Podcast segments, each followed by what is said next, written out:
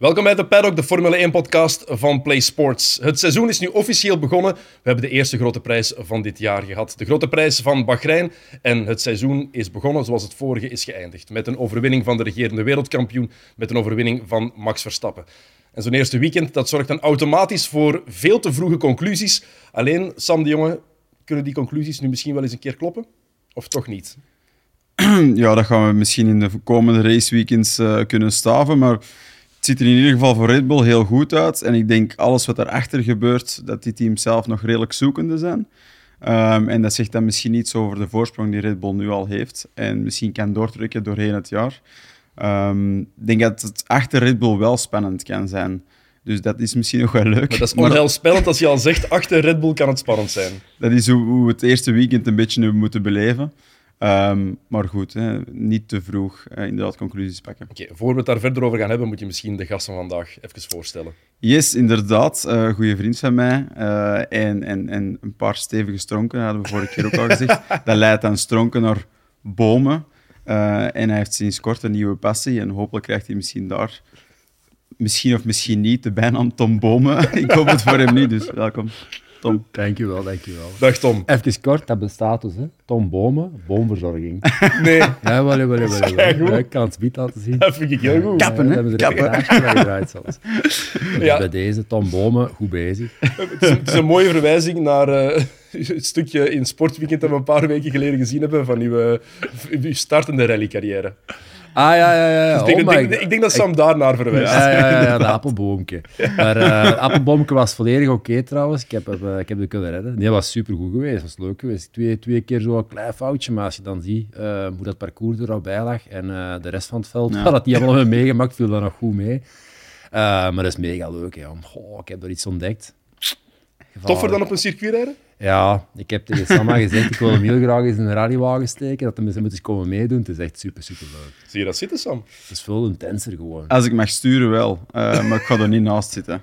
Allee, dat heeft niet met hem te maken, ze, maar gewoon uh, zoals co-piloot, dat is, dat is toch wel een heel aparte job. Het zijn aparte gasten. Ik moet zeggen, uh, ik, zou, ik weet niet of dat ik het ooit zou willen doen, maar ik denk ook niet dat ik het zou kunnen, want ik, je moet denken, dat, dat gaat echt hard. Uh, je, je, je, zit naar beneden te kijken. Hè. Als ik in een auto moet lezen, word ik al gewoon als ik aan het lezen ben, zo van, ah, ik kan even een boekje lezen, dan, dat gaat gewoon niet. En die mannen moeten dan nog eens concentreren. Dat, dat gaat, je hebt denk ik drie notities per pagina, dus je moet op blad omdraaien, je moet zien wat je zei. Dat gebeurt heel veel tegelijkertijd. En uh, een foutje van de co kan ook bepalend zijn, hè, want uh, de helft van die bochten, te kunnen niet doorkijken. Je moet volledig vertrouwen in elkaar hebben. Hè? Ja, ja, de eerste rally dat we gedaan hadden samen was dat er nog niet. En nu was het er al wel. Um, maar dat moet er nog in groeien. Ik heb dit jaar, ik kan nog wel wat rallies rijden, maar uh, ik wil dit jaar PK proberen te, te winnen. en dat bij de Historics wel. Hè. En uh, dit jaar gewoon keihard leren en zie wel. Mij lijkt het echt doodeng. Eerlijk gezegd. Het is, het is in een rallyauto, ja, die, die, wegen zijn zo smal. Er staan ja. mensen naast het parcours, die bomen die in de buurt komen. En een parcours lijkt mij een iets veiliger gevoel te geven dan een rallywagen. Ja, het maakt het natuurlijk ook weer interessanter dat er geen marge is. Hè.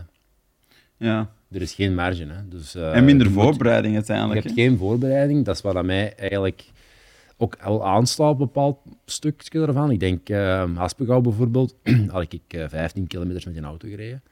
En dan startte je zaterdags koud, vol om doem, in de eerste KP. Alles wat erin zit. En eigenlijk weet je nog begot niet wat die auto doet of kan. Of, dus je moet echt erin groeien. Nu ga ik waarschijnlijk wel met dezelfde auto het seizoen uh, verder afwerken, dus dan stapt dat iedere keer wel wat iets anders bij in.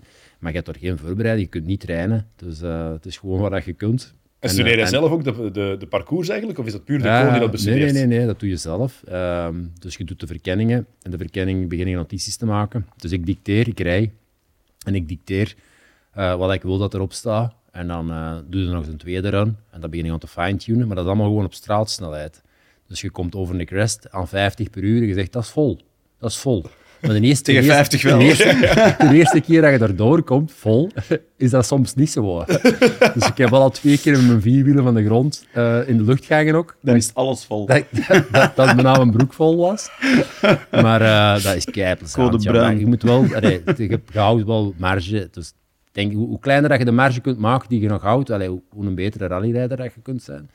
Maar natuurlijk, bij mij is die nog groot. Maar ik, ben, allee, ik stond, doe mee met de beteren. Dus uh, ik stond tweede in het kampioenschap. Een paar van die proefjes kunnen winnen al. Dus ik denk, kan me dat wel blijven Ja, amuseren. Zou, je dat, zou jij dat mogen doen, Sam? Als je eh, met je contract die je nu hebt bij? Ja, ik- ja, ik denk dat wel. Allee, ik bedoel, dat moet je denk ik altijd met de mensen bespreken waar je mee samenwerkt, dat iedereen er zich goed bij voelt. Maar het is meer, ik bedoel, autosport, hebben we zo vaak al gezegd, is natuurlijk eh, een dure sport. En als je nog in je actieve carrière zit op circuit, dan is er eigenlijk al zeker geen geld over om, om, om zoiets te gaan doen. Ik zie er Dus- wel een mooie reportage in eigenlijk. Jij die, het- jij die gaat proberen tegen Tom. ik, ik vind dat heel... Ik, Als ga, Play ik, Sports dit ik, wil ik ben, ik niet, ik ben mee. niet Ik uw co-piloot. niet. Ik denk dat ik hem los op zijn doos geef. Is het echt? Ik weet niet, ik denk eh, dat het is compleet anders. je kunt die twee echt niet vergelijken. Het enige dat, dat er gelijk kan is dat het met een auto is. Maar de, de beleving is Ja. compleet anders. Dat hangt, dat, dat hangt bij mij veel meer aan, aan wielrennen. Aan zo dat, dat die kijk krijgen op dat parcours. Ja, de mensen natuurlijk ook, want je hebt fans, echte fans die aan de kant van de weg staan. Oeh, als je erdoor komt en je zet je auto is dwars, die worden zot, dat is plezant. Ehm, maar ik denk psychologisch ook dat dat gewoon ja, de barrière is voor dat je door moet of zo. Dat je op circuit veel meer met dat rijden op zich bezig bent, in plaats van die, die, die, die vloeiende lijn te zoeken van, ik weet het niet, Ja, ik, ik denk gewoon, het is, gewoon een, compleet anders. het is een beetje een verschil tussen perfectionisme en improvisatie. Hè. Ja. Op circuit pro- probeer het perfect te doen. Hè. Elke ronde heeft een kans om opnieuw En- dezelfde bocht beter te maken. En dat, is, dat is het hele proces.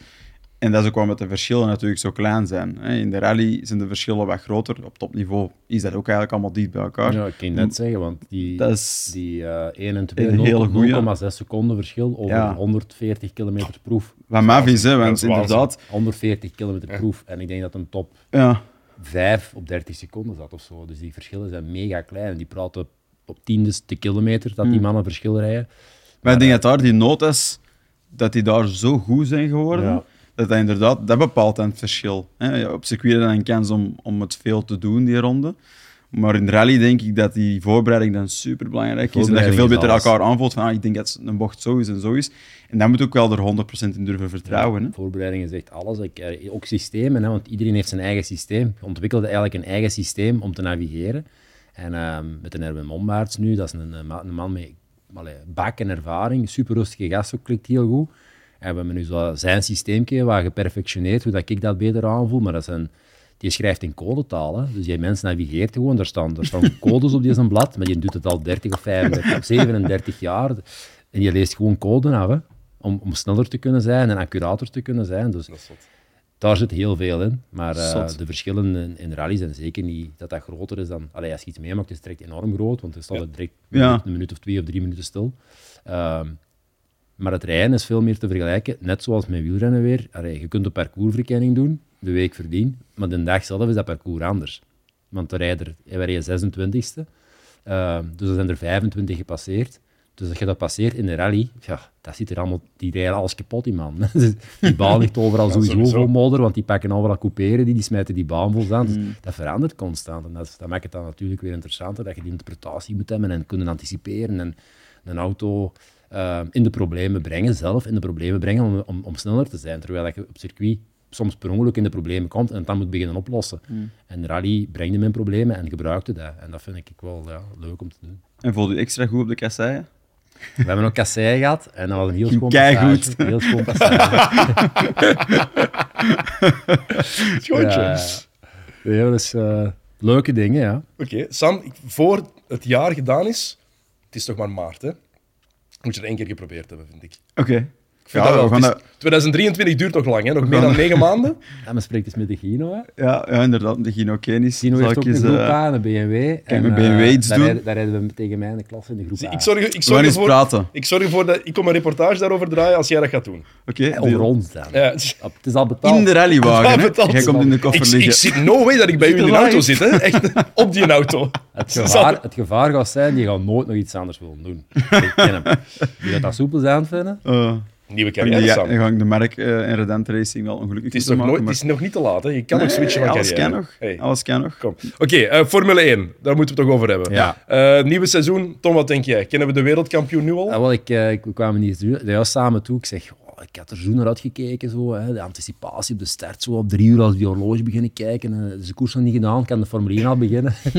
Eh, maar dan startte die en dan na vijf rondes van... oké, het, zal, het, zal weer, het zal weer niet spannend worden.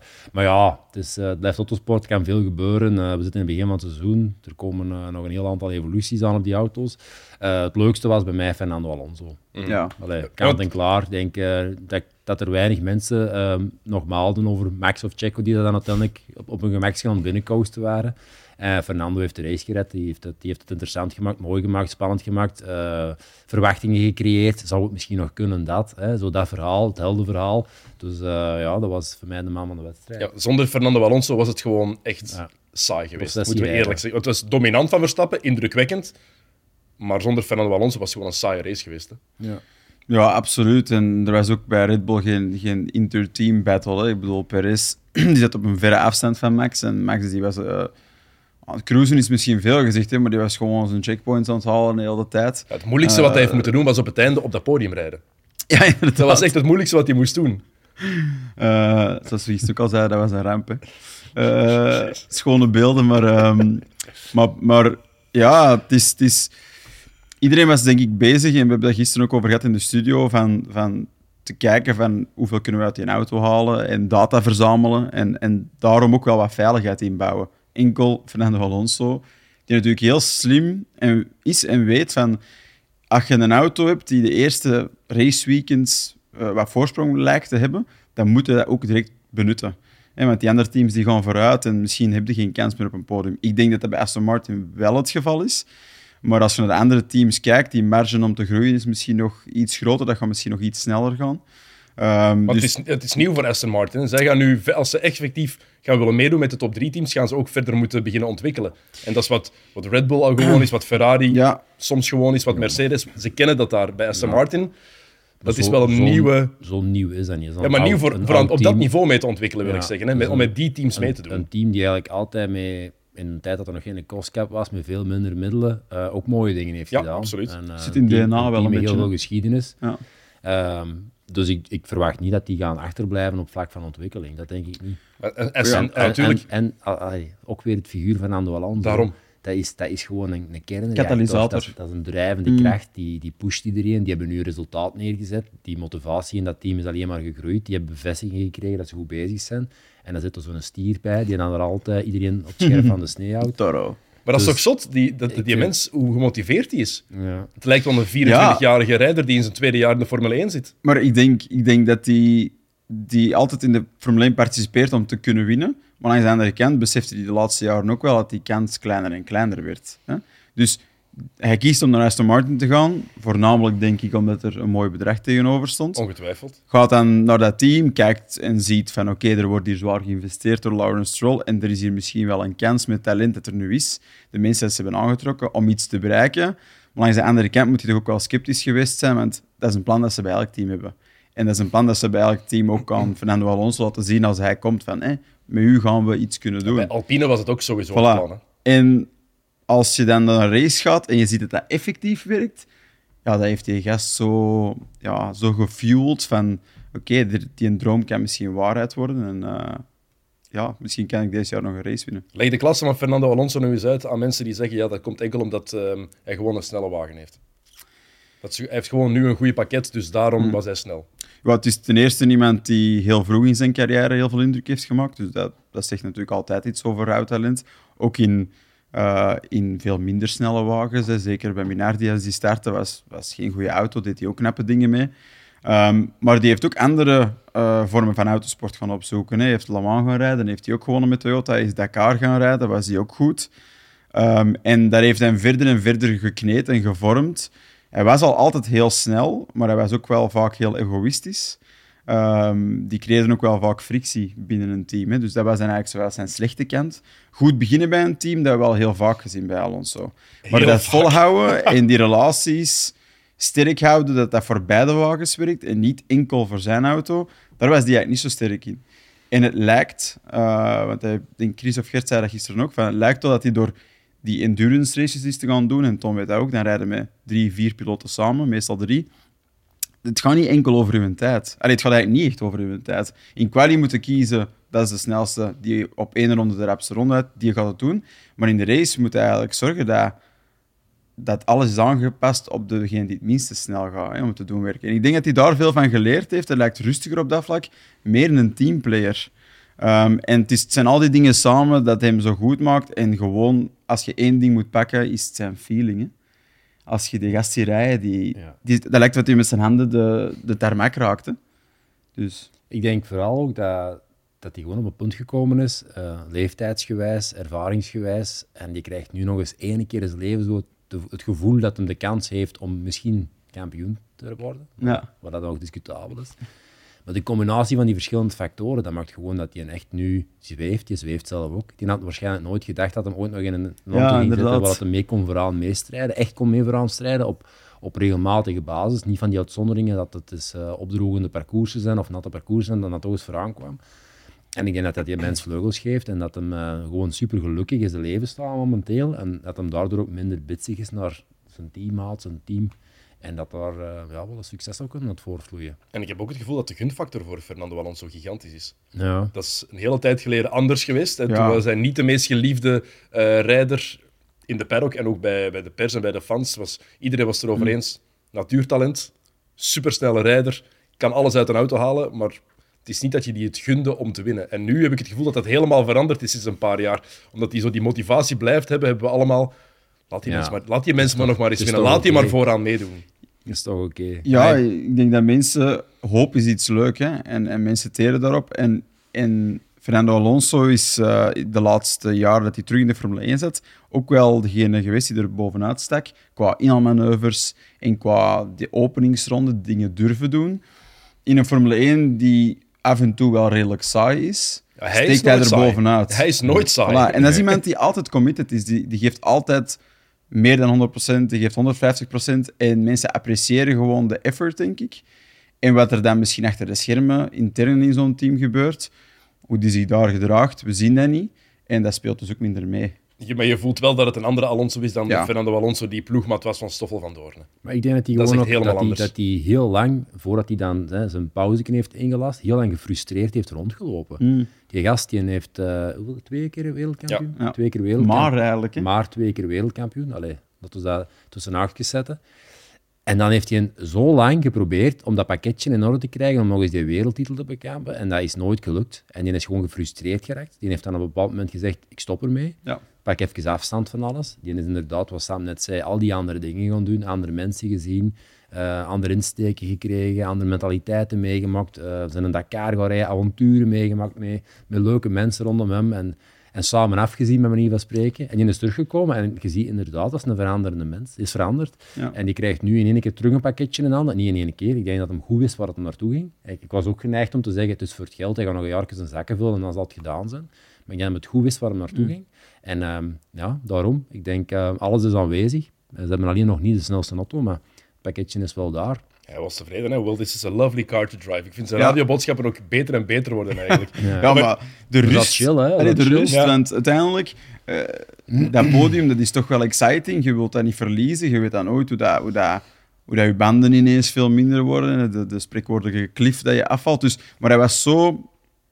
Heel het weekend eigenlijk, vanaf de eerste training, was hij echt onder... Had alles onder controle. dat hij ook zo vroeg tijdens de race zelf, van die laatste vijf rondjes, eh, hoe zit het met Lance? Waar rijdt hij rond? Ja, Dat zegt alles eigenlijk over hoe hard hij op zijn de gemak was. hè. capaciteit dat er dan nog is om dat Ja. te doen en ondertussen dus nog snel rond te rijden met dat ding. Ja, dat is het denkvermogen is alles. Dat is, allee, dat, dat is redelijk ongelooflijk. En misschien om het Aston Martin hoofdstuk eh, al deels af te sluiten binnen onze podcast. Wat hij ook zegt, en dat is ook wel een feit. zij hebben in de winter gekozen om een ander concept te gaan toepassen op die auto. Eigenlijk zijn ze Red Bull achteraan gegaan. Hè. Dat zie je ook hè, langs de buitenkant. Slim. In plaats van Mercedes. Ja, inderdaad. Perez, ja, in plaats van Mercedes. Want ze hebben natuurlijk de motor, de gearbox, de achterophanging van Mercedes. Dat is allemaal hetzelfde. Uh, maar ze hebben gekozen om een ander concept toe te passen. En dat werkt. En Perez zei ook in de, in de persconferentie van het is leuk om drie Red Bulls op het podium te hebben. Dat is natuurlijk een goede grap, maar ergens klopt dat wel. En Fernando Alonso zegt van, kijk, wij, wij zijn in de winter van concept veranderd. Een aantal teams niet. Dus wij zitten hier ook met een nieuwe auto. Dat betekent dat er is ook bij ons nog heel veel groeimarge. En dan in, als je het zo bekijkt, klopt dat wel dat het eigenlijk heel positief is. Dat zal zo ver staan. Ja, dat had dan snel gedaan kunnen zijn. Want Ja, positief over Lance Stroll. In, ja, in de eerste ronde, Lance Stroll. Hoeveel scheelde het? Een paar centimeter? Of Ja, hij- had hem, hè. hij tikte hem een beetje. hè. het was had zoveel erger- het was-. Klein tikje inderdaad.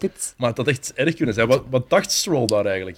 Ik smijt hem er gewoon niet veel, en ik zie, wel waar, ik zie wel waar ik uitkom. Ja, ik denk, ik, ik denk even zo wat een brain fart gehad van 10 meter later. En eh, dat, dat leek ook echt dat hij die ging afkegelen. Want dat was, dat was, Volgens mij had hij net geremd met zijn voet scheef op zijn dikke Ja, teen die leek- gebroken is Nee, en nee, zo'n oude en van zijn zo. rem gekomen Dat van leek-. Dat, dat leek zo, ja. Dat leek zo dat hij zich volledig miste daar Nee. op dat rempunt. Of, dat er, of op zijn gas blijven hangen is of zo. Iets ging er daar niet goed. Dat, dat is duidelijk. Maar En uiteindelijk kwam het nog goed. chance. We zijn heel kritisch al geweest voor Lance Stroll. Hebben jullie nu meer respect voor hem gekregen nu we al het nieuws weten? Eh, twee polsen gebroken, gebroken dikke teen van zijn rechtervoet en nog geen twee weken geleden geopereerd geweest. Maar Ik heeft weet- al een weekend ja, gereden. Maar ja, het hangt er ook vanaf aan wat dat je geopereerd bent. Ik heb, ik heb ook al eh, alle twee mijn polsen is gebroken. En het hangt er ook vanaf. Allee, er, zijn, er zijn breuken in je pols die heel veel pijn doen bij bepaalde zaken, vooral bij impact. Maar je dat intapet en je kunt mee, dat die man aan mijn servo sturen en zo. Hè. Zoveel kracht komt er op dat stuur niet meer. Dus als je dat twee weken later en dat is vastgezet en zo.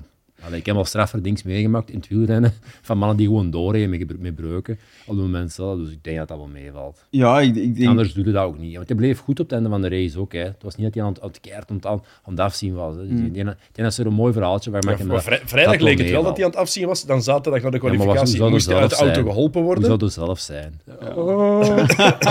Zoals Lewis Hamilton vorig jaar met de purposing. heb zoveel pijn. Nee, maar dat, is- allee, ik bedoel, ik, ik vind wel dat je dat keihard ziet. En ik stoor me er zelf wel soms aan van... Alles wordt in sport... Of alles wat om bekende mensen gaat, wordt vaak geromantiseerd hè, in de media. En als je dat bij die Formule 1 ook ziet... Alles, als die iets slim zeggen, dan wordt dat gedaan omdat het de slimste mensen ter wereld is. Als dat iets grappig is, wat semi-grappig is, dan is dat plots hilarisch. Hè? En als, Een beetje zoals bij jouw. Kijk naar mijn woord, woordmopjes. In een normale wereld zijn er totaal niet... Ja, allee, weinig, snap weinig grappige lacht mensen. ermee. Maar En Bottas nog wel goed met Ja. maar de rest... Maar wat ik wil zeggen is dat, dat ook zo'n verhaal is natuurlijk... Het is gewoon een verhaal hè, waar ze mee kunnen werken. Ja, maar er zal wel iets zijn. Hè. En hij zal wel pijn gehad hebben, maar ik denk wat jij ook bedoelt, Tom, is dat als je zelf een sporter bent, je zou toch nooit zeggen, ik ga niet rijden. Ook al heeft Ja, een beetje pijn. Kijk, er zijn, er, zijn, er, zijn twee, nee, er zijn twee mogelijke. Ofwel rijden, en dan gaat het 100% en dan denk je dat het kan. Ofwel rijden niet, en dan weet je dat het niet kan. ja. En als het niet kan, dan heb je inderdaad echt iets dat keihard zeer doet. Maar als het iets of wat kan, dan weet je van, ik kan tot aan de finish kunnen rijden en het gaat misschien zeer doen, maar ik kan dat, ik kan dat verbijten of ik kan dat verwerken. En dat is niet voldoende pijn om mijn, mijn denkvermogen te gaan belasten. En wel, ja, als je die beslissing pakt, dan moet je ook niet aan beginnen, ja, toe zoveel zeer en ah, nee. Nee, dan heb je beslist om te rijden en dan ga je rijden. En doe het aan pijn, doe het pijn. Hè. Hij was heel dankbaar alleszins, Lance Stroll. En eh, Alonso heeft zelfs gezegd, Lance is my hero. Fernando Alonso effectief gezegd heeft een over, lans gebroken voor hem. over Stroll. Een Ehm, bankrekening die aan zwallen. Eh, even nog over, eh, over, eh, over Red Bull. Ehm, op zaterdag zeggen die na de kwalificatie: eh, ja, we zijn eigenlijk niet tevreden, geen goed gevoel. Ehm, we hebben compromissen moeten sluiten. De auto voelt minder goed aan dan de wintertest. Ehm, wat zegt dat over de, over de kwaliteit van deze wagen als dit een compromis was? Ze wisten wel, tijdens een race gaat het beter zijn. Ja. Onze racewagen is nog beter, maar de voorsprong was, was waanzinnig. Hè? Ja, maar natuurlijk, in de, in, in de quali was dat maar één tiende op, op een Ferrari die maar één set banden heeft gebruikt hè, in, in Q3. Dus ik snap wel dat teleurstelling tussen aanhalingstekens van ja, het is leuk dat je natuurlijk een halve seconde voorsprong hebt, wat, wat waanzinnig veel is in de Formule 1, maar ehm, het klopt wel dat daar de voorsprong niet super groot was.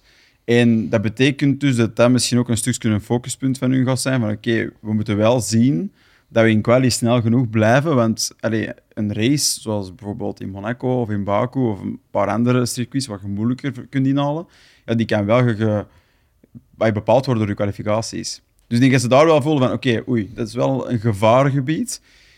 De race denk ik dat ze redelijk zeker zijn dat alles wat ja, long run is, hè, lang rijden met die banden, met veel gewicht aan boord, hè, veel fuel, dat een auto daar fantastisch werkt. Dus dat zal iets zijn waar ze minder op moeten werken. Maar ik denk dus dat ze op zich wel realistisch hebben geanalyseerd al tijdens de quali. Maar dat daarop werken, dat kan wel een probleem worden. Want de vroege conclusies zijn nu al... Ja, Verstappen is wereldkampioen en Red Bull gaat met vingers in de neus ook opnieuw wereldkampioen worden bij de constructeurs. Maar dan is er die straf. Die, wat is het, 7 miljoen euro of dollar kan er gestolen worden. Maar 10% minder tijd in de windtunnel. Ze hebben al het minste tijd van iedereen omdat ze wereldkampioen waren. Ja. En die straf die duurt tot eind oktober. Is dat iets waar ze hoop uit kunnen putten bij de andere teams. Oké, die ze kunnen minder werken aan die wagen, dus die kan misschien minder snel ontwikkelen. Of is dat ijdele hoop? Ik, ik, ik zou het zelf ook hopen. Ik hoop dat, ik hoop dat we tegen, tegen deze zomer, eh, als we op spa zitten, dat het super spannend gaat zijn. En Ja. Dat je effectief mee met, met drie teams en eventueel zes kandidaat winnaars zit, wat ik niet echt geloof.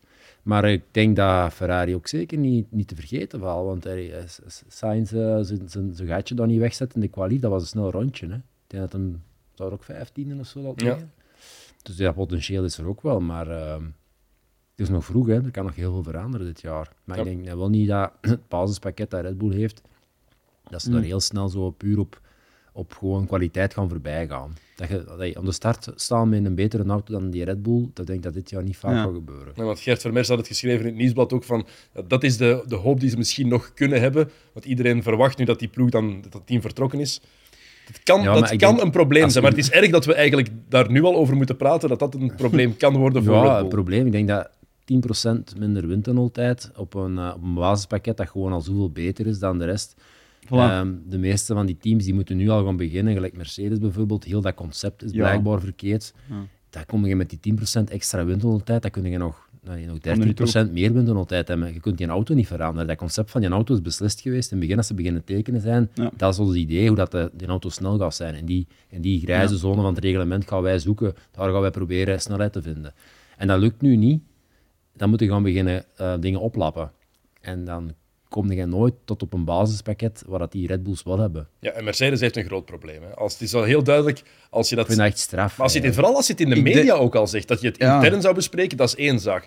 Maar dat zowel Hamilton als Toto Wolff naar buiten komen en zeggen wij kunnen niet meedoen vooraan dit jaar, die zeiden dat al Ja. voor ze geraced hadden. Het is een beetje, denk ik, het zwarte schaap in, eh, in het veld. Ook qua kleurstelling, maar Zwarte ster. een zwarte ster, eh, maar met iets minder allures dan. Ehm, ja, ik denk dat, dat dat bijna het team is met het grootste probleem. En Nu al. nu al, want en dat valt misschien niet echt op, omdat oké, ze zitten dan toch nog redelijk goed vooraan. Maar ze hebben geen enkel idee wat ze moeten doen, wat heel gevaarlijk is. Bijvoorbeeld, En heel on-Mercedes. ja, bijvoorbeeld McLaren, die zeggen van oké, we zijn niet goed, we hebben tijdens die testing onze targets niet gehaald, we hebben nog niet het pakket bij om snel te zijn, maar we weten, we zijn, we zijn eigenlijk al voor die test bezig met een update van hetgeen dat we aan het doen zijn. We weten dat dat niet goed genoeg is, het was niet af, maar we gaan dingen meenemen en, en de auto die we dit jaar hebben, in vergelijking met vorig jaar, geeft veel meer opties om vooruit te gaan. McLaren weet dat. Bij Mercedes gaan ze naar het eerste raceweekend, of eigenlijk naar de testing, en dan naar het eerste raceweekend denkende, we hebben een verbetering bij. Om dan daar te beseffen dat dat niet goed genoeg is. En dat ze eigenlijk met hetgeen dat ze hebben, niet veel kanten uit kunnen. Want ze hebben redelijk het plafond bereikt van wat ze hebben gemaakt. En dat is natuurlijk wel heel teleurstellend. Ja, Maar tot- eh, als je dat dan ziet, dat dat vorig jaar eigenlijk ook het geval was, Ja. hè, want dat was het team die het meeste last had van die porpoising, dan moeten ze toch eens nadenken over een nieuw computerprogramma of een update doen of zo van de computers. Want, het, Maar exact. ja, want dat wordt dan in de, in de computer... Windows die, update. die zitten nog in de 98 te draaien of zo. Dus dat is die bel naar elkaar. Allee, dat is twee jaar op na elkaar dat je eigenlijk van in de basis een fout maakt met je computertekeningen. Allee, ik denk dat is ja... De, Maar Ja, bij, bij de- een team als Mercedes hadden ze dit toch ook zeker vroeger moeten beseffen. Want dat is, ze hebben die, die allure, ze hebben die ervaring, ze hebben het palmares. Dan vind ik het heel, heel straf dat je met zo'n pakket naar de eerste race gaat. Dat je dan ook meteen het openlijk zegt na de kwalificatie van ja, we gaan, we gaan van nul moeten beginnen. Dat Toto Wolff er eigenlijk meteen toegeeft. Allee, ik, ik schrok daar echt van. Ja, ik denk dat iedereen daarvan schrikt. En zeker omdat ze het direct zo openlijk eh, inderdaad toegeven. Dus allee, dat betekent misschien ook wel dat de druk vanuit Mercedes, het merk, redelijk groot is op dat team. En dat dat team eigenlijk eh, open kaart moet spelen eh, met hun. Maar maar het, is, het, is, het is een beetje onheilspellend. En ik denk misschien dat het probleem een stuk zit in vorig jaar. Hebben ze heel lang gezocht naar hoe kunnen we die auto snel krijgen, maar we hebben iets dat wel snel kan zijn. Als we dat purpose kunnen wegkrijgen en alsnog snel kunnen zijn. En tegen het einde van het jaar was dat zo. In Brazilië winnen ze dan met een auto die werkt. En dan denkt je misschien, ah ja, dus met die auto kunnen we verder. En dat hebben ze ook gekozen. Om dan nu te beseffen dat eigenlijk toen waren ze al het plafond van dat concept geraakt. En wat Red Bull heeft gedaan, die hadden al een hele goede auto, maar het plafond was dan nog niet bereikt. En die hebben in de winter nog eens een stap gezet. Dus dat concept is een concept dat veel, veel meer ruimte nog heeft om vooruit te gaan. En dat van Mercedes is blijkbaar heel eindig.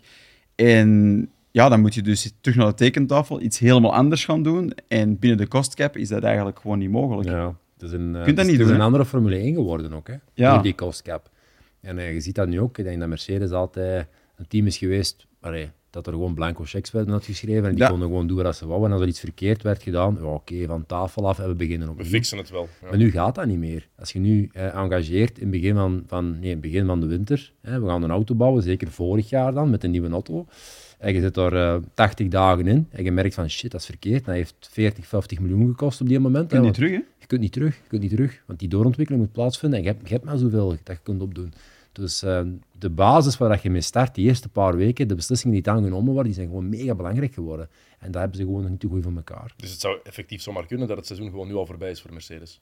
Dat zou geen te vroege conclusie zijn. Als, als, als dit effectief het plafo- plafond van hun wagen is, ja, dan is het, Dan is dat de dan positie. gedaan? Ja, dan is dat de positie waar zij op zitten. En slechter zelfs, dan gaan er nog een aantal komen die eraan voorbij gaan. Dan moeten ze echt schrik krijgen van Alpine bijvoorbeeld, die hebben op zich in de basis een auto die even snel is als de Mercedes op één ronde. En eigenlijk in de race hebben we gisteren bij Gasly gezien, Ja. die laatst vertrok, die een sterke race rijdt. Dus long runs werkt die auto ook. Dus oké, dat team heeft een aantal andere zorgen dat ze, dat ze moeten oplossen.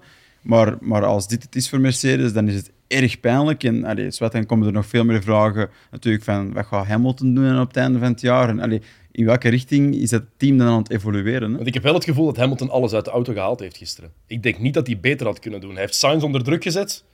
Uiteindelijk moeten settelen voor de vijfde plaats. Maar settelen is niet het juiste woord. Ik denk echt niet dat meer dan een top 5 mogelijk was.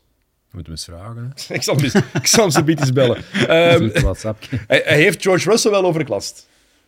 Ik denk dat we dat wel mogen zeggen. Ik denk dat, hem, ik denk dat een andere Hamilton is als, als het begin van vorig jaar. Hè. Het begin van vorig jaar was die volgens mij nog een beetje zo Zo nog aan het nazinderen. Ja, aan het nazinderen Zwaar van- van Abu Dhabi en, en, en, en dan schrikken van oei, we hebben nu een auto bij dat helemaal niet werkt. Nu weet hem dat al. En hij zegt ook, ik moet, zo het, het, eh, ik moet het licht blijven aan het einde van de tunnel voor het team. En, en, en ik moet die rol op mij nemen van de motivator te blijven, ondanks dat hij eigenlijk heel slecht is. Hè. Slecht nieuws dit weekend. Te blijven. Ja, dat die... Dat is nieuw. ik wist niet dat hij de motivator van het team was. Ja, ik heb nooit in Hamilton gezien. Hij probeert dat wel zo altijd te doen, maar oké, we hebben zo'n oprechtheid op dat vlak soms al wel eens de vraag gesteld, dus we moeten oppassen hoe breed dat we erin gaan. Voor de kijkertjes en de luisteraars, als die dat niet leuk Maar was, vinden. jij was toch een Ik was een Hamilton-fan, maar deze Ah, is, dat- winter... is, ge- is het gekeerd? Ik ben, het is gekeerd, Oké. omdat, ik, ehm, moet ik opletten. omdat ik op sport zei, een, eh, een uitspraak over op de vraag van hoe goed is Max Verstappen, heb gezegd dat hij misschien een van de beste rijders is in de laatste 40, 50 jaar. Misschien, hè, het woord misschien is erin belangrijk. Ik zeg niet dat dat zo is. Dat Het is, is ook trouwens... één, één van de beste. Het verschil is, dat is een mening, dat is geen feit. Maar mensen verwisselen meningen en feiten tegenwoordig nogal hard. En blijkbaar kwetst dat de mensen harder die zelf dus heel hard tegen Verstappen zijn. Want wat wij hier proberen te doen, is gewoon commentaar geven op goede prestaties. Of op slecht. Of het de goede prestatie van Hamilton of Verstappen komt, dan is dat dus anders. Maar anyway, daar kunnen we ook nog eens de podcast over maken, over dat gezeven. Gewoon, we gaan nu gewoon een uur laten ranten, Sam. Echt. Alle dagen voor de rest van het jaar. Wij Wij pra- de podcast over maken. Wij moeten gewoon eens, als we, als we gewoon een babbelen zijn, moeten we gewoon eens een micro erbij. Wij, wij filosoferen veel over Ja, zo- ja. over zo'n zeven. Als we nog eens naar het buitenland met een auto rijden, gaan we dat gewoon opnemen. Ja. Een ritje van een uur of vier, vijf. zo. En Ik, ik zal het uitluisteren om dan de, de momenten eruit te halen die hier Ah, effectief er niet mogen ja. blijven. Mensen moeten soms eens in de spiegel kijken als ze Zo'n half uur geven. piep gewoon. in, in dat stuk. Eh, je hebt Alpine net even eh, vernoemd. Goed gedaan van Gasly na een heel teleurstellende kwalificatie. eh, want als, voor, als laatste moeten vertrekken. Punten gehaald. Maar ik denk wel dat ze daar enorm teleurgesteld mogen zijn na dit weekend. Dat was raar, hè? Dat was heel raar. Ja, ook kon die er een paar keer een, een stoot uitstikt. Maar dat begin alleen al. Ook Een als, hat-trick aan penalties. als Formule 1-rijder of piloot, of hoe je het ook wil noemen. Dat je je wagen niet juist zet in dat vak, daar kan ik niet bij. Ik kan dat wel bij. Ja. Ik Ja? kan dat wel bij. Dat blijven gewoon mensen. Dus de Tuurlijk, maar eerste- die het focus in het het begin van de race Het moet daar de toch eerste zijn. race van het jaar. Hè. Ik denk dat die man ook zo met een marker op de muur werken. En Ja. ik denk dat die gewoon, ja, pas op, hoe lang hebben die niet gereden? 12, 13, 14 weken niet gereden. Ziet er meer uit. Je komt daar eerst staan terug, allee, die eerste start van het seizoen, neem het, neem het van ons aan. Die hartslag die staat redelijk op punt. Je zegt gefocust, Ja. je wilt geen fouten maken. En wat doe je dan? 20 centimeter te veel naar rechts, naar die marker aan het kijken. Ja, hier moet ik staan. En dan, ja, dat gaat gebeuren. Maar het kost wel, hè? Het ja, hij zal, hij zal het niet meer doen de rest van het jaar, dat weet ik wel. Maar dat kost inderdaad. Vijf seconden straftijd. En dan zijn ze zo fucked up van hetgeen wat je gedaan hebt, dat je dan een penalty krijgt, je komt binnen, die penalty, Ja. die penalty wordt dan niet juist. Oh, ik snap het compleet. En dan zijn je Dat- dat- gefrustreerd. Dat is gewoon... Ja, Want het eerste, ja, inderdaad. het eerste, pro- het eerste foutje is van, van Ocon.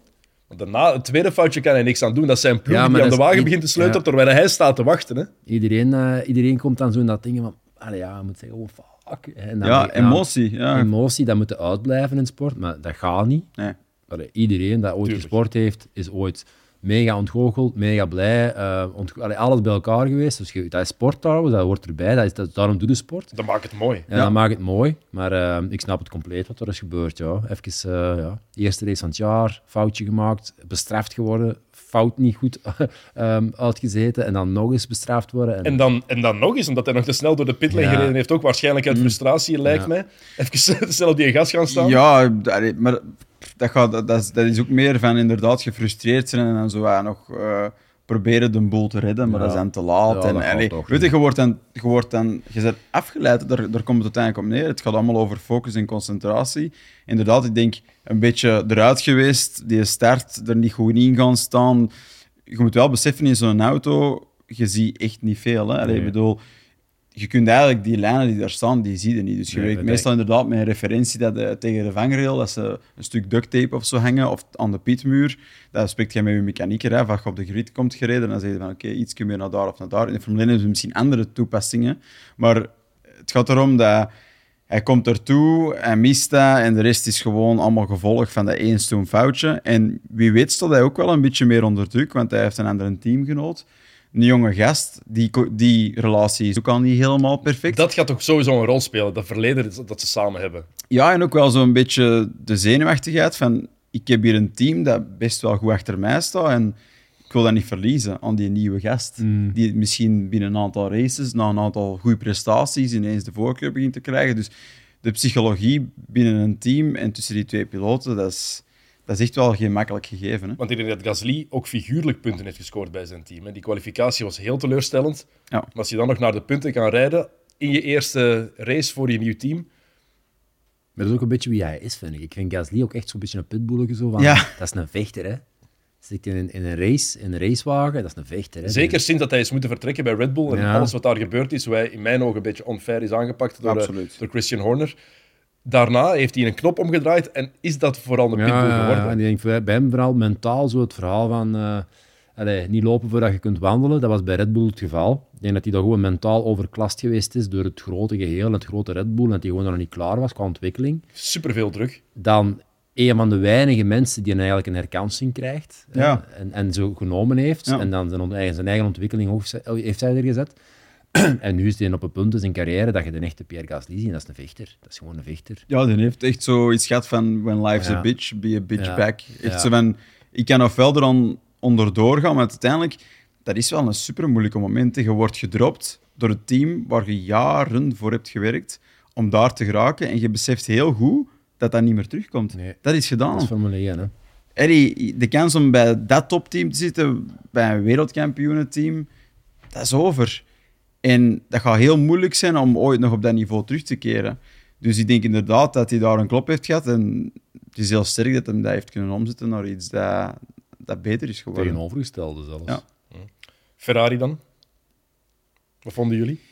Zeg het mij. Wat, wat, wat, wat was het met Ferrari dit weekend? Eh, ik denk vooral technisch nog niet helemaal Ja. alles op punt. Het lijkt me zo dat het, eh, de snelheid er wel, wel is. Ik denk dat ze het, het pa- pakket van een auto dan snelheidsgewijs ehm, dat, dat dat aanwezig is. Maar ik denk dat ze gewoon eh, ja, met, met Vasseur erbij misschien dat er nog wat win, winfactoren zijn. Ik weet het niet goed.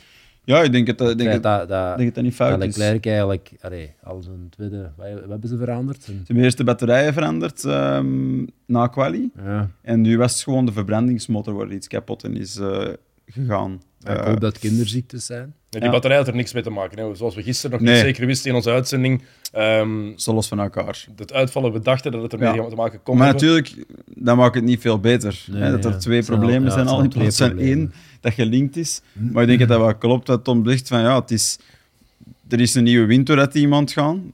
Dat gaat niet zomaar... eh, allee, je kunt dat niet zomaar op punt zetten. Ik denk wel dat er een aantal dingen al anders waren, Ja, pragmatischer. ik denk het ook. in die kwalie al kiezen om gewoon eerlijk met jezelf te zijn en zeggen of we nu pole pakken, maar dan met oudere banden moeten starten, of we laten die pole liggen en we starten met een nieuwe band, laten we daarvoor gaan. Ook al beseffende, trouwens, uit die testing, dat Red Bull in de long run sterk is. Dus je kunt maar beter met verse banden beginnen als je Ferrari bent. En het vroegere Ferrari zou daar veel te veel gewoon zo hebben gedaan wat er zogezegd moet gebeuren, in theorie. Op het moment zelf. ook. Ja, van... Ja, nee, nog eens. Op, kom, Voilà, we kunnen Pool hebben. Terwijl ik denk dat Vasseur inderdaad ook, eh, dat, dat is gewoon ook een figuur. Ja. Dat is, iemand, dat is een statig iemand waar aan geluisterd wordt en die heeft daar gewoon het heft in handen nu. En ik denk dat er nog wel een beetje, een, ja, er nogmaals een windfactor is, na al de mensen dat er nog wel aan boord zijn gebleven tegen vroeger. Mhm. Maar dat er wel eh, heel veel potentieel in zit met Vasseur aan boord. En ze hebben een dubbele pitstop geprobeerd en het is zowaar gelukt. Ja, Het is gelukt. ja, vorig jaar, ieder, zelfs zou alle, niet geloven. Nee, zelfs alle Ferrari-supporters op sociale media, Twitter stond daar vol van, Zeg, van die hebben- finally. Die hebben veel geoefend, hè. Ja, ja inderdaad. Hè. De nadruk gelegd op de dingen die niet werken. Hè. Dat zal Vasseur direct hebben gedaan als die in dat team binnenkwam tijdens de winter. Van jongens, elke dag zoveel keren oefenen dat, dat, dat het werkt. Dus dat is wel direct getuigen. Hè. Als je dan durft eh, te dubbel stacken, zoals ze dat noemen. eh, twee wagens binnensturen, dat is knap. Ik denk bij Ferrari dat... Ja, het is een beetje, nog een beetje de kat uit de boom kijken misschien in de komende Grand Prix. Maar het zit hem vooral bij hen een beetje technisch, inderdaad. Hè, betrouwbaarheid. Hoe hard gaat dat nog een rol spelen? Was, was dit gewoon pech? Uh, of zit er meer achter? Hopelijk niet. En verder, ze gaan niet heel goed bij, met hun banden om. Dat, dat, is, dat is een feit. Allee, eigenlijk, het enige team dat dat wel is, of wel kan, is Red Bull. Ja, want vorig jaar hadden we ook die pech voor, voor Verstappen in, de eerste, in twee van de eerste Ja. drie races. En dan wisten we het nog niet zo goed, omdat het ook de eerste, de eerste keer was dat we die wagen zagen. Nu is het in mijn gevoel een klein beetje anders, omdat ja, je, Ferraris, daar zeiden ze zelf ook al van ja, we kunnen toch niet tippen aan die, aan die Red Bulls, die zijn toch te snel voor ons. En dan is het extra onheilspellend in mijn ogen dat is het niet seizoen al het- moet beginnen ja. met 25 punten achterstand. Leclerc is de grootste uitdager van Verstappen. Hè? Het is niet hetzelfde. Het, is, het zou leuk zijn om nu zo voor ons eigen het wat te sussen en te zeggen van... Ja, maar ja, vorig jaar, toen was Ferrari in het begin ook supersterk en kijk wie er wereldkampioen is geworden. Zie je wel dat het onvoorspelbaar is? Het is echt niet dezelfde situatie. Nee, het, is, het is niet van... Ja, Red Bull wint nu, maar misschien binnen drie, vier races gaan ze vijf keer uitvallen en van alle fouten maken. En ik denk niet... Als we eerlijk zijn met onszelf, is dat niet het scenario dat er nu zich afspeelt. Ik denk dat heel duidelijk is dat Red Bull heel sterk is. En ik denk dat heel duidelijk is dat de rest nog veel te zoeken heeft. En inclusief Ferrari, die gaan een oplossing moeten vinden om die band beter te doen meegaan, langer te doen meegaan. Het goede is, op snelheid hebben ze een auto die nog altijd werkt, die vorig jaar ook al werkte trouwens. Dus in quali is er potentieel. Maar ze moeten zien dat ze kunnen blijven volgen. Ja, hoe los je dat op? Dat is de vraag. Hoe snel, en vooral denk ik, hoe snel je dat op? Ja, dat heeft ook weer... mogelijk, natuurlijk. Ja, maar, ja, Ja, maar- maar- inderdaad. maar- ik bedoel, wat is realistisch om dat effectief op te Ja, lossen? ik Want denk dat ze vooral nu... ehm, het is altijd zo, hè, iedereen maakt zijn huiswerk en je komt op dat eerste raceweekend aan, je hebt al wel wat getest en zo, maar dan, dat raceweekend gebeurt gewoon en dan begin je te analyseren. En er, er haalt niemand zoveel uit eh testdagen dan uit het raceweekend.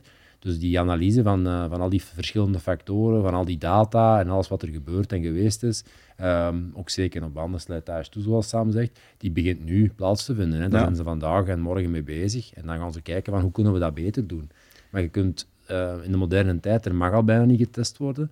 Eh, de gegevens die je uit een test kunt halen, dat is ook niet hetzelfde als dat je dat in een raceweekend doet. Dat je op heel veel aan de rubber rijdt van andere mensen en in, in, in slipstreams blijft hangen, zoveel, zoveel uren dan, of twee uur aan een stuk. En eh, dat is gewoon anders dan dat je dat op training zou gaan doen. En die gegevens nu verzamelen en die interpreteren en daar proberen beter uit te komen. moeten En wel dan, streng daar, daar denk ik dat de, de diversiteit tussen een heel goed topteam, zoals Ferrari er nog altijd één is, Absoluut. en iets mindere teams, de interpretatie van die gegevens, die weinige gegevens die je hebt, om daar iets mee te doen, daar geloof ik nog wel al te sterk in dat die mannen dat gaan kunnen. Moeten we wel streng zijn voor wat eh, Carlos Sainz heeft laten zien? Is vierde geworden, maar enkel en alleen omdat. Leclerc is uitvallen. Of wat hij niet heeft laten zien, ja. Er is heel veel kritiek op hem in, de- in de media meteen na die eerste Grand Prix. Ja, maar ik ben, ik ben nogal een brave. Hè. Ja? Ja, nee. nee. Het, is, eh, het is allemaal snel gezegd natuurlijk, maar ja, ik blijf er ook altijd bij. Het is, het is, het is een eerste raceweekend ook voor iedereen. Hè. Om zo onmiddellijk direct erin te zitten, dat is natuurlijk de bedoeling wel, maar dat lukt ook niet altijd bij iedereen. En Nee. Ik denk, als je ziet wat Sainz vorig jaar wel heeft laten zien momenten, dat we zeker niet als dat potentieel mogen twijfelen, maar het blijft een eerste raceweekend. Heel veel conclusies kunnen er niet op trekken, Nee. dat Red Bull heel sterk is. En- Ja, en nog even om dat af te maken. We rijden hier ook toch wel een heel specifiek circuit qua bandenslijtage. Dus het, het onderdeel dat misschien de grootste baan, factor is geweest in het onderscheid tussen de teams qua snelheid op dit moment, is banden geweest en hoe lang dat je die kan laten meegaan. Op een circuit dat banden opeet. En we hebben nog geen enkel ander circuit gezien, want de tests waren Voilà. ook daar. Dus, Dus we hebben geen enkel beeld buiten Bahrein, wat dan direct een hele scherpe is. Dus ik denk dat misschien wat nog gerelativeerd kan worden. Laten we hopen dat het dus dan wat dichter komt. Er is sowieso een verschil, maar misschien is het nog niet zo dramatisch als we nu denken. Hè. Wat wel, ik denk de enige co- conclusie die we zeker kunnen trekken, buiten dat Verstappen waanzinnig sterk is, is dat Perez effectief de nummer twee is. Want wie probeerde het gisteren? Was het ehm, Rosberg zeker, die de interviews deed na de race? Dat meteen, ja, denk, wanneer denk je, hoe denk je dat je Verstappen kan, eh, kan bedreigen, kan, kan uitdagen? Niet, hè.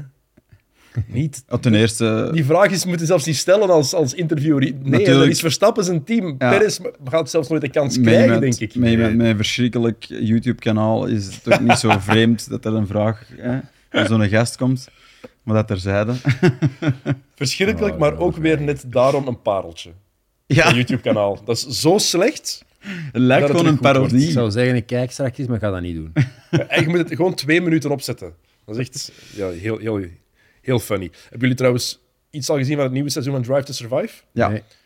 Het moment, er is een moment tussen, tussen Perez en Horner, de, de, de Red Bull, of een van de Red Bull-afleveringen. Ik heb het ook nog niet helemaal gezien.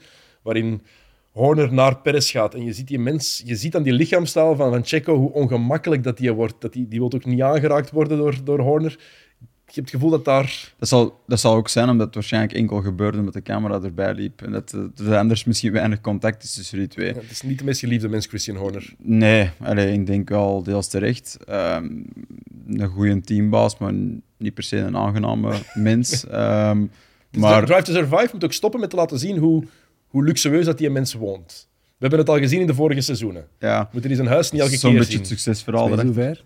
Echt el- elke keer. Ik denk twee verschillende afleveringen. Dat zo begint bij hem, bij hem thuis. Ja, goed hè, maar dat interesseert mij niet zo echt als ik naar Drive to Survive kijk. Nee. Eh, de rookies. Ik denk dat er twee daarvan ontgoocheld mogen zijn. Dus open deur intrappen, maar iedereen buiten Logan Sargent.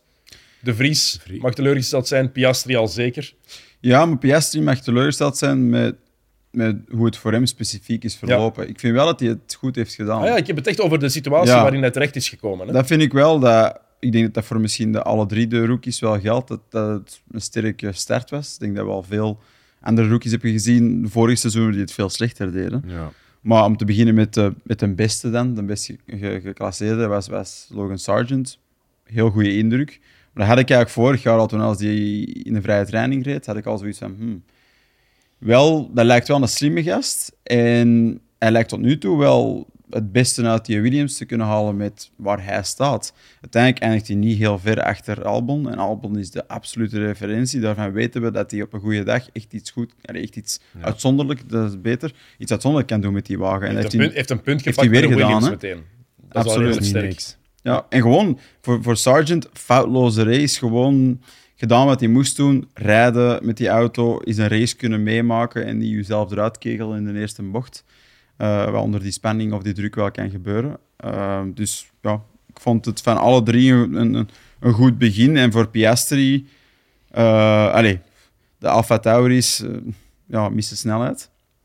Het Zoals vorig jaar. zoals vorig jaar, wat toch ergens de vraag blijft van hoe komt dat? hè? Ik bedoel, het is een team dat altijd goed, goed is geweest in hun, eh, hun resources goed te besteden en, te gebruiken. Die hebben nooit het gigantische budget, budget gehad. In het verleden werkte dat. En als je dan naar een kostcap cap gaat, waar iedereen dat beperkte budget heeft, werkte dat ineens veel minder. Dus dat is, dat is eigenlijk een heel vreemd gegeven. Ehm, ik hoop dat het er nog beter gaat, maar momenteel ziet het er niet heel, heel goed uit. En dan McLaren, ja, het was geen fantastische start, maar ik denk wel dat er meer opties zijn dan vorig jaar. Dus dat ze niet zo slecht zijn als dat we denken. Ik denk dat er met die auto veel meer kan dan met die auto van vorig jaar, ja, absoluut. Dat zeggen we ook aan Norris op zich niet heel slecht. Maar dat, is, Eh, dat, dat is erg dat je dat moet zeggen over McLaren. Hè? Nou, ja, maar Wat, Ja, wat maar we gezien hebben bij. Stoffel van Doorn, die periode was het echt het dieptepunt. En we dachten, oké, ze zijn bezig aan die opmars. lang. Het is een beetje like de, de beurs. Ja, maar ze zijn, ze zijn serieus, terug, serieus gecrashed terug dan. Hè? Ja. Nee, maar het is, eh, McLaren verwacht er natuurlijk heel veel van. Hè. Die hebben wel de middelen, die hebben wel de know-how, die hebben wel die geschiedenis, ja, enorm rijke geschiedenis.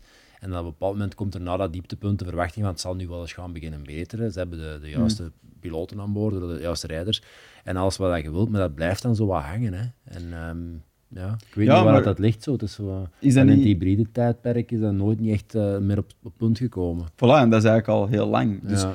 Uiteindelijk steunde heel hard of leunde op, op een idee van vroeger. Dat, is, naam. dat is nostalgisch. McLaren denkt aan sterk team, topteam. Dat is bij mij ook nog altijd. Want Ja, ik, denk aan. McLaren, ik denk niet echt aan het huidige McLaren als je die naam uitspreekt.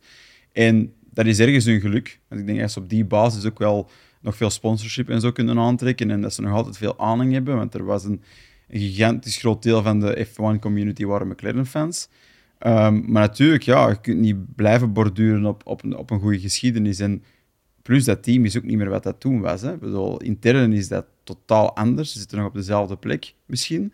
Maar er staat iemand anders aan het roer en daar maken je allemaal andere mensen deel van uit.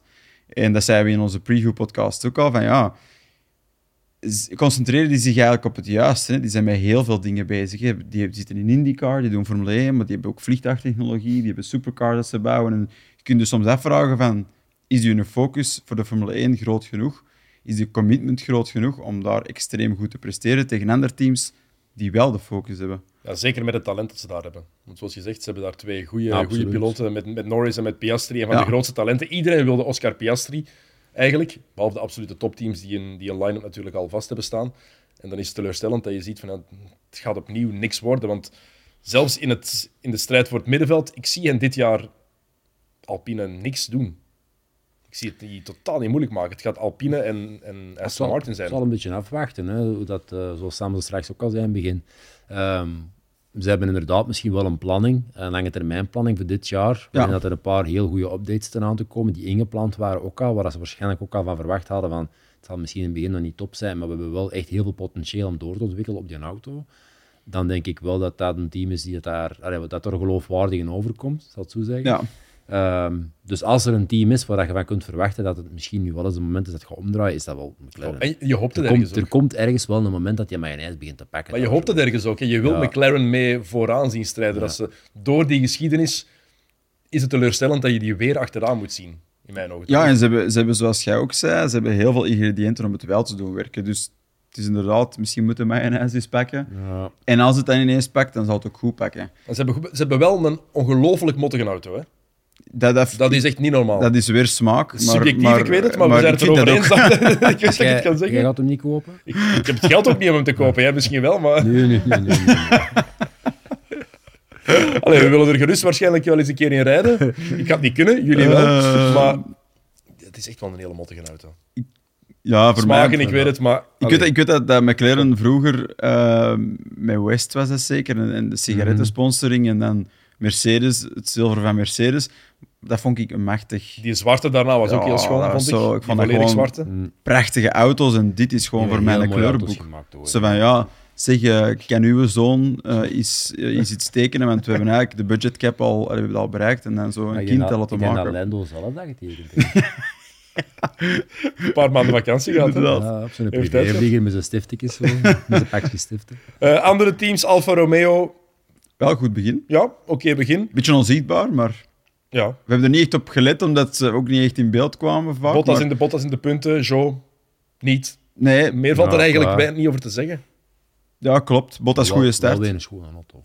Ja, ook knap, hè. Eh, Dat is een prachtige Ja, kijk, auto. kijk, kijk, kijk. Die wilde wel kopen. Die, maar graag. Ik zeg het, sponsoring, Telenet, allemaal komen. Ehm, Haas, daar hadden we de comeback van Hulkenberg. Het was geen gemakkelijk weekend voor Ja. Hulkenberg en voor Magnussen. Ja, wel, maar dat zag er dan zo goed uit, hè, want die, die dan een quali dat je denkt van, Ja. oef, tot quali Q3. 3. Maar was dat hier allemaal? Die, dat is toch wel een speciaal manneke, hè, die Hulkenberg. Daar moeten we toch even eigenlijk akkoord over worden, dat dat toch een speciale Heel- gast is. Zo Absoluut. gewoon, die kunnen ze gewoon erin steken, dus terug Ja. uitpakken. En een diepvries. Dan hebben we de piloot terug erin steken en die presteert gewoon. Ehm er is iets minder, ja, maar ja, wat lijkt het. Track limits, daar Ja. heeft hij het heel moeilijk mee gehad. Ik denk niet dat er iemand zoveel waarschuwingen heeft gekregen als, eh, als Hulkenberg. Ja, en, komt en, ook, en komt ook eh, uit een tijdperk. Hij heeft nu nog wel wat Ja, aan en toe, maar die komt nu in één keer in een, een zwaardere auto ook terecht. Hè. ja, klopt. En die heeft, die heeft met heel lichte Formule 1's nog gereden. En die komt nu ook gewoon in een zwaardere auto terecht. Het is niet iemand dat heel lang eruit is geweest of lang niet meer gereden heeft. En heeft af en toe nog wel eens gereden, maar heel weinig. Dus ik denk, eh, als je dan in een wedstrijd op scherp van de snee, eerste race van het seizoen nogmaals, eh, met een zwaardere auto, dan dat je gewend bent altijd op een baan dat je misschien nog, ik weet niet hoeveel het nog gereden heeft met lichte auto's, maar dat scheelt gewoon allemaal. Ja, inderdaad, dat is wel een goed punt. Want dat, is- dat, is, dat is misschien moeilijk om te begrijpen als je zelf niet rijdt. Maar als je een bocht instuurt en je drie fases, je hebt de entry, het begin van de bocht, mid, midden en een exit. En eigenlijk, vanaf dat je midden van de bocht zei, besliste van dit is de route die ik ga Ja, pakken. We kunnen niks meer doen. En dan kun je niet zeggen van ik ga op het einde op de exit nog die, dat trajectoire aanpassen. Ik bedoel, dat je gekozen dat je in het midden van je bocht zit. En als je een zwaardere auto hebt, dan deint die gewoon verder Ja. uit. Dus het lijn, de lijn die jij, eh, de visuele lijn die jij trekt, die, die wijkt misschien... Allee, de realistische lijn lijkt er, die wijkt er misschien een beetje van af. Dus dat kan wel kloppen dat die nog wat moet wennen eh, aan dat type auto. En ten tweede, ik denk dat dat ook wel iets zegt over hoe hard hij aan het pushen is met dat pakket. Ja. En dat je track limits hebt en je hebt dat proportioneel meer dan de rest, dan betekent dat dat je meer aan het proberen bent. En ik, ik was wel ook een klein beetje teleurgesteld misschien in het potentieel van Haas. Ik had er meer van verwacht en meer van gehoopt. Hè. Die hebben zo'n momenten van, van briljantie. Eh, ook vorig jaar, hè, Brazilië, polepositie. Oké, dat zijn uitschieters. maar ook toen zeiden we van, dat zegt ergens wel iets over wat dat team allee, he- allee, van potentieel heeft. Meteen punten in Bahrein, ook vorig Denk jaar, in de eerste race. Dus Wel dat Magnussen en Hulkenberg nog een braas gaan krijgen. Dat Ah, denk ik ook. sowieso. ja, Die moment zit ik gewoon op te wachten. Dat zijn echt, dat is We hebben, dat, we hebben dat fragment ook van een paar jaar geleden ook, tijdens de, tijdens de persconferentie, nee, de ja, persconferentie niet, tijdens de interviews. goed. Ze moeten Ja. er meer zijn. Dat is- ja. Was, was wat Hulkenberg was komen zeggen, de meest... eh, Oh, weer al de meest onsportieve driver on the grid. En, eh, en Magnus zei, suck my balls, mate. Is een- het is echt een prachtig fragment. Ik vind dat wel een fantastisch antwoord. Ja. Van Magnussen. Allee, Als je dat niet verwacht en iemand komt u even, even Dat is klaar, hè? uitschijten. Ja, dat was zo snel ook dat het er was. Zo wacht even de shitbox op. We hebben nog een serieuze Hulkenberg te beklimmen, in ieder geval, eh, Haas. Oké, we hebben nog een eh, kleine, of een dikke vijf minuten. Ehm, Sam, we willen dit jaar terug lekentaal invoeren. Eh, toch minstens één keer per, per aflevering van de Paddock iets uitleggen wat ehm autosportleken of mensen die nooit in een auto gezeten hebben, in een raceauto gezeten hebben, misschien niet begrijpen. Jij en Mark hadden het in onze studio deze, deze week, het, deze dagen, over die harde curbs. Mhm. Ja, de mens die nooit op een circuit gereden heeft gehad, dan denk je, ja, hoezo zijn die curbs harder dan in andere, op andere circuits? Leg dan misschien eens uit wat dat is en hoe je dat voelt in de wagen, wat voor effect dat, dat heeft. Zonder misschien direct technisch te moeten worden, is misschien interessant dat ik die vraag al doorspeel aan Tom. Ik kan er dan op aanvullen. Maar wij is u... Oh. Wat bedoelde? wat is, wat mijn curb? wat? Wat is mijn wat? Nee, wat, wat, wat- hoe komt dat bij u over? Wat is uw interpretatie van harde Een, curbs een, harde, gevoel? een harde curb kan, kan in mijn optiek twee dingen zijn. Het kan een heel hoge curb zijn, waar je sowieso moet afblijven. Of soms zijn er curbs die daar gewoon heel zwaar ribbelen. En daardoor meer gaan afremmen of allee, een ander effect hebben dan dat je wenst. Dus je hebt eh, exit curbs die dat je kunt meepakken. Omdat als je over asfalt rijdt, die is glad. En dan kun je op exit eh, met heel veel tractie veel snelheid meepakken. Maar als je op een curb naar buiten gaat en je begint op een harde curb of een zware curb, dan kun je dat zeggen dat je wilt, ehm, en je schuift daarover op de gas, die houden tegen. Dus dat remt ook af. Dus een harde curb of een zware curb op de exit, die ga je al proberen te vermijden zoveel mogelijk. Een harde curb op entry of in het midden van een box, eh, van, een, van een bocht, dat kan zijn dat je die helemaal moet wijden, want dat je daarover gaat, dan komt die auto volledig in onbalans, dan zeg je van alles aan het oplossen dat je eigenlijk niet wou op het moment dat je eigenlijk op de gas wilt gaan. Dus ehm, dat is eigenlijk een harde curb, wat dat voor mij betekent. Ja. Misschien echt de belachelijkste vergelijking dat ik ooit heb gemaakt, maar kwam ineens in mij op. Het verschil tussen ribbelchips en, en platte chips. Het is eigenlijk hetzelfde gewoon. Als je dat opeet, een ribbelchips, dat, dat maakt meer geluid, dat kraakt meer, er is meer vibratie in je mond. En een, en, en zachte chips, dat gaat er makkelijk in. Mond. Dat wou ik eigenlijk niet gezegd hebben met een top als mij, maar het is wat, dat, wat, dat veel, gebeurd, wat dat veel erger is, dat is grof asfalt. Want Ja. als die begint dat te schijten, dan... Klootzak. Dat is ergens, dat is ergens anders vibratie dan. Dat is wat kalm. Nee, maar, maar moeten we van weg blijven. denk, om het Met alle gevoelige mensen. Ja, tegenwoordig zeker. Ehm, nee, ik denk dat dat klopt wat, Tom zegt.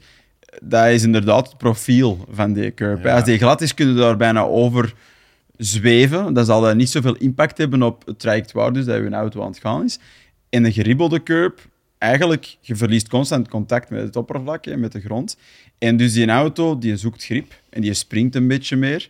En in Bahrein, omdat ik er zelf al een aantal keer gereden heb, is dat heel hard het geval. Ook bij de laatste bocht. Je kunt zien, als je daar eigenlijk te breed gaat, er is dan zo'n richeltje op het einde, dan kan je auto echt ineens zo hop, twee meter Ja, naar je- links springen en dan zit je ineens helemaal Je, je erbuiten. trekt je ook mee. Je trekt je naar, naar, naar, naar de foute Ja, kant, als hè, je naar de een, curb, buitenkant. een, een zware curb of een, een harde curb, want ik zeg eigenlijk altijd een zwaar, of ik weet het niet wat ik eigenlijk in het echt zeg.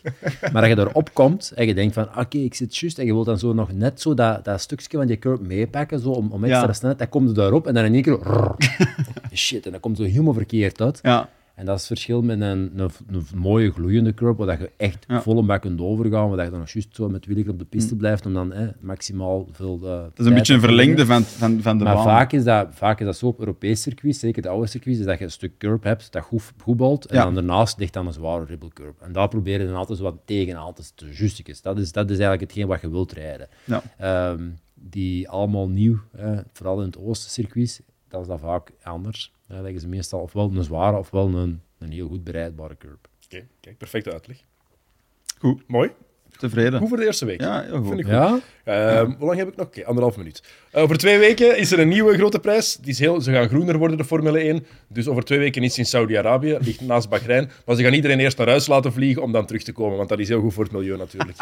Ze, wo- Ja, maar- ze worden groener Als daar. met die banden maar dat zijn men afgescheiden. Ja, dat is daarom. Ja, ja, dan Ja, ja. we terug aan marge. Ze moeten even gaan opwarmen in Engeland om die dan terug mee te nemen naar Ja. Saudi-Arabië over twee weken.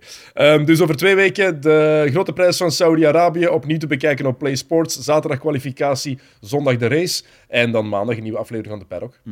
Bent erbij, Sam? Of moet je gaan racen? Nee, nee, ik ben erbij. Heb ik nog heel even 20 seconden om Je hebt iets... nog eh, 50 seconden. 50 seconden. Ik had ook nog iets meegebracht voor de Tom eh, om eens aan te ruiken. Dat klinkt wel echt super vreemd, maar we zitten toch al in die richting.